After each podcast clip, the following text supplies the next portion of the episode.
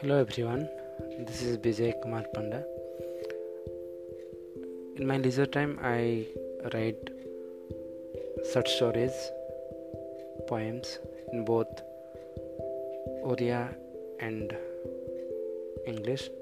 Odia is an Indian language, classical language of Odisha state. I hope you'll enjoy my short stories and poems and other fictions written by me. Thanks a lot.